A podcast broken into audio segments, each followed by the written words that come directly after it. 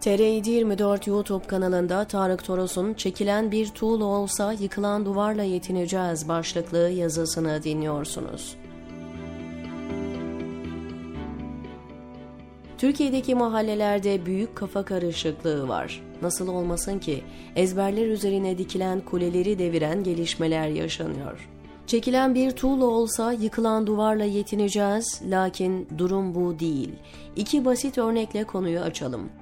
İlki İlhan İrem'le ilgili çarpıtma. Vefatı üzerine 1999'da kaleme aldığı Fetüş başlıklı makalesi gündeme geldi. İrem'in bu yazıyla cemaatin şimşeklerini üzerine çektiği, ondan sonra kariyerinin bittiği gibi paylaşımları oldu. Bunun mantığı yok. Sürecin içinde yaşayarak geldik. 28 Şubat süreci buram buram yaşanıyordu. Fethullah Gülen aylar önce ABD'ye gitmişti. Üniversitelerde başörtüsü yasağı başlamıştı. İslami hareketlerin kafasını kaldıramadığı bir dönemdi.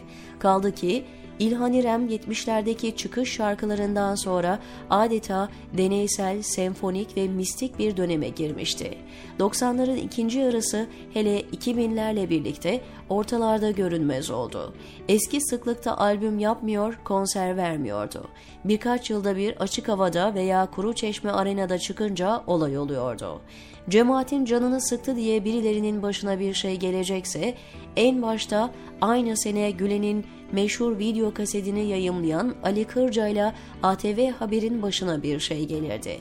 İkinci örnek Necip Hablemitoğlu cinayeti. Şimdilerde cinayetin azmettiricisi olduğu iddiasıyla aranan Levent Göktaş'ın sırra kadem basmasıyla gündemde. Hablemitoğlu Alman Vakıfları ve Bergama Dosyası diye bir kitap yazmıştı. Kitap cinayetten bir yıl önce Ağustos 2001'de yayımlandı. Kitabın ana dayanağı Bergama Operasyonu'nun çerçevesi başlığıyla sunulan bir belgeydi. Ocak 1990 tarihli Federal Alman İktisadi İşbirliği ve Kalkınma Bakanlığı belgesi. İsveç'te yaşadığı belirtilen Profesör Doktor Metin Deli Ormanlı tarafından gönderilmişti. Kaynak bu isimdi. Belgede özetle şöyle deniyordu. Bergama'daki altın yatağı Almanya tarafından göz ardı edilmemeli. Türkiye, Ege'de onlarca altın yatağını peş peşe bularak Alman ekonomisini sarsabilir. Önlemek için senaryolar hazırlanmalı. Çevreci eylemler yaşama geçirilmeli. Heinrich Böll ve Gustav Stresemann vakıflarınca her türlü lojistik destek faaliyeti yürütülmeli vesaire. Kitap fitili ateşledi ve Ankara Devlet Güvenlik Mahkemesi'nde 21 Ekim 2002 tarihli iddianame ile Alman vakıflarının yöneticileri, İstanbul Barosu Başkanı Yücel Sayman, Bergamalı genel yöneticiler ve eylemci köylüler dahil 15 kişi hakkında Türkiye'nin bütünlüğü ve layık devlet adına gizli ittifak oluşturmak suçundan dava açıldı. Dışişleri ve emniyetten bilgi istendi. Gazeteciler belgenin peşine düştü. Ne çare? ulaşamadılar. Belge sahteydi. Belgenin kaynağı olduğu söylenen Profesör Doktor Metin Deli Ormanlı bulunamamıştı. Çünkü böyle bir kişi hiç olmamıştı.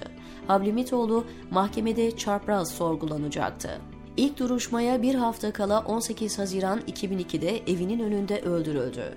Kitabın finansmanı ve daha birçok konu tartışmalıydı. Almanya'nın çıkarları için Bergama köylüleri kışkırtıyor tezi çökmüştü. Rahmetli Aydın Engin konuyu araştırmak üzere Ege'de dolaştı, geniş yazı dizisi yaptı ama gazetesi Cumhuriyet bunu basmadı. DGM'deki dava ise 69 gün sonra beraatle sonuçlandı. Şimdi buradan hareketle Hablemitoğlu kullanıldı, gerçekler deşifre olacakken ortadan kaldırıldı diyebilirsiniz mesela. Bu teori işe gelmeyince başka teoriye geçiliyor. Her zaman olduğu gibi. Bakın Türkiye'de hiçbir şey göründüğü gibi değildir. Mahallelerdeki panik de bundan. Hangi siyasetçiye, hangi akademisyene ve gazeteciye güveneceklerini bilemiyorlar. Kudretli albay dediklerinin nasıl birer kağıttan kaplan olduğunu görüyor ve şaşırıyorlar. Daha çok şaşıracaklar, diyor Tarık Toros TR724'deki köşesinde.